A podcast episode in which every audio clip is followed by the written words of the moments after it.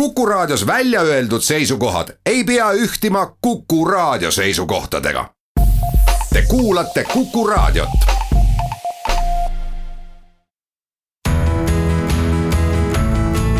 kuku Raadio nädala kommentaar.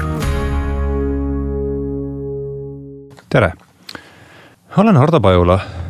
viimasel kolmel nädalal on kivisildnik Peeter Espak ja Indrek Lepik rääkinud siinsamas teemal verbaalne rünnak ja ma panen siis sellele teemale täna punkti. tegusam osa minu lapsepõlvest möödus Rakvere KEK-i keskuses Näpi külas. meie hoovil oli kaks kolmekorruselist kortermaja, kus elas äh, tollal kokku vast umbes paar tosinat erinevas vanuses last. olid Aare, Raul, Janek, Tõnu, Meelis, aga ka Hille, Pille, Jaanika ja Inga õues, mis ulatus majadevahelisest muruplatsist kuni lähedal asuvate põldude, aiamaa ja metsatukkadeni, oli peaaegu alati midagi teha. keegi gängist hängis ikka kuskil ringi. suurem osa ajast veetsime omapäi, sest vanemad olid tööl, mobiiltelefoni ei olnud ja internetis polnud ka keegi midagi kuulnud. selles tänapäeval pea kujut-, kujuteldamatus olukorras kulus suur osa aurust vastastikustele verbaalsetele rünnakutele. igalühel meist oli mingi hüüdnimi ning üldjuhul polnud see mõeldud tema omaniku meelitamiseks. aeg-ajal esines pookimist ning vahel kasvasid verbaalsed rünnakud üle rusikavõitlusteks. ent üldiselt toimis kogu see sats siiski ilma suuremate tülideta. vähemalt nii tundub see praegu, kui ma sellele tagasi vaatan. teeme nüüd suure ajalisruumilise hüppe kahekümne esimese sajandi teise kümnendi Ameerika Ühendriikidesse, kus verbaalseid rünnakuid tuntakse mikroagressioonide nime all kõnealuse mõiste võttis kasutusele Harvardi ülikooli mustanahaline professor Chester M Pierce umbes samal ajal, kui me siin metsikus idas jõnglastena üksteist verbaalselt ründasime.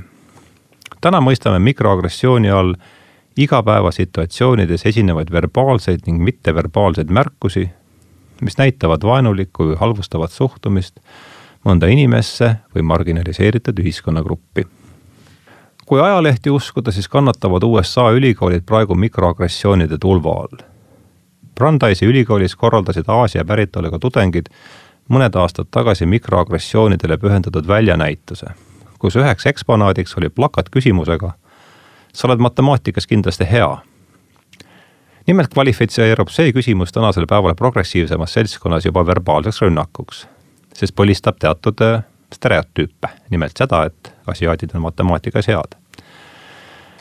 teised Aasia tudengid, äh, kellel oli siis konkureeriv tudengirühmatus, rühmitus, olid asjast pisut teistsugusel arusaamisel ja nemad kuulutasid kogu karnevali omakorda enda vastu suunatud mikroagressiooniks. mis toimub? ühelt poolt on tegemist objektiivse demograafilise arenguga. kui kaheksateistkümnendal sajandil võisid vanemad ühe oma seitsmest pojast merede taha seiklema saata siis pesamuna hoitakse vati sees ja veetakse hermeetilise džiibiga ühest huviringist teise. seda juhul, kui teda õnnestub üldse virtuaalreaalsusest lahti kangutada. tulemuseks on see, et lapsed on ööpäevaringselt täiskasvanute valvsa silma all, mistõttu sõja ja sikumängudeni jõutaksegi alles ülikoolis. üheks tulemuseks on tudengi hakatiste vaimse tervise halvenemine.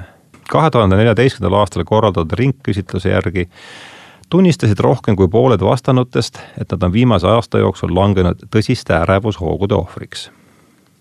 kirjeldatud demograafilise eh, psühholoogilised suundumused asetuvad omakorda väga vastuvõtlikku poliitilisse konteksti.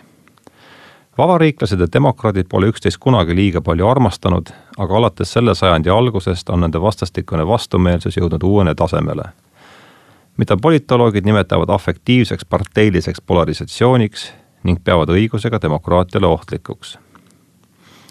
sellises olukorras, kirjutavad Greg Lukjanov ja Jonathan Haidt, saavad emotsioonidest relvad poliitilises võitluses. rohkem nördinul või solvunul on mitmesugustes ülikoolisisestes haldusvaidlustes üha suurem eelis lühiajaliselt võib see nii mõnegi solvumisspetsialisti karjääri märkimisväärselt edendada. ent pikas perspektiivis töötab üleüldine hüsteeriafooni tõus ka nende endi vastu sest mõnel uuel ambitsioonikal troonipretendendil võib tekkida kiusatus neuroosile veel üks vint peale keerata. solvumisolümpia käigus muutub lubatavate arvamuste ja mõtete sõel järjest hõredamaks, nii et sellele jäävad lõpuks vaid kõige banaalsemad poliitilised lööklaused. osa kirjeldatud kollektiivsest hullusest on kahtlemata küünilis-pragmaatilise alatooniga.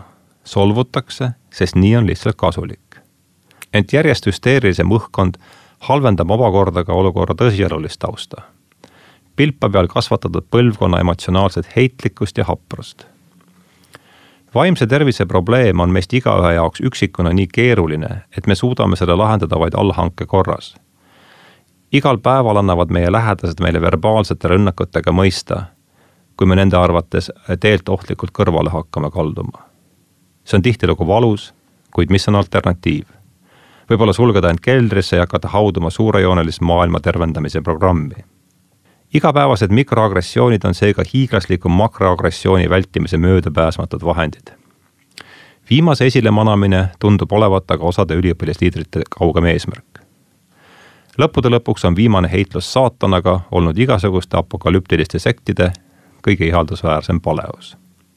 kui nüüd keegi peaks küsima, mis ta seal jälle nendest Ameerika ülikoolidest jahvatab, siis vastan et mikroagressiooni definitsiooni leidsin ma seekord meie soovoliniku kodulehelt. Ei ole üksi ükski maa, nagu me laulva revolutsiooni ajal kuulsime. tänan tähelepanu eest. kuku raadio nädala kommentaar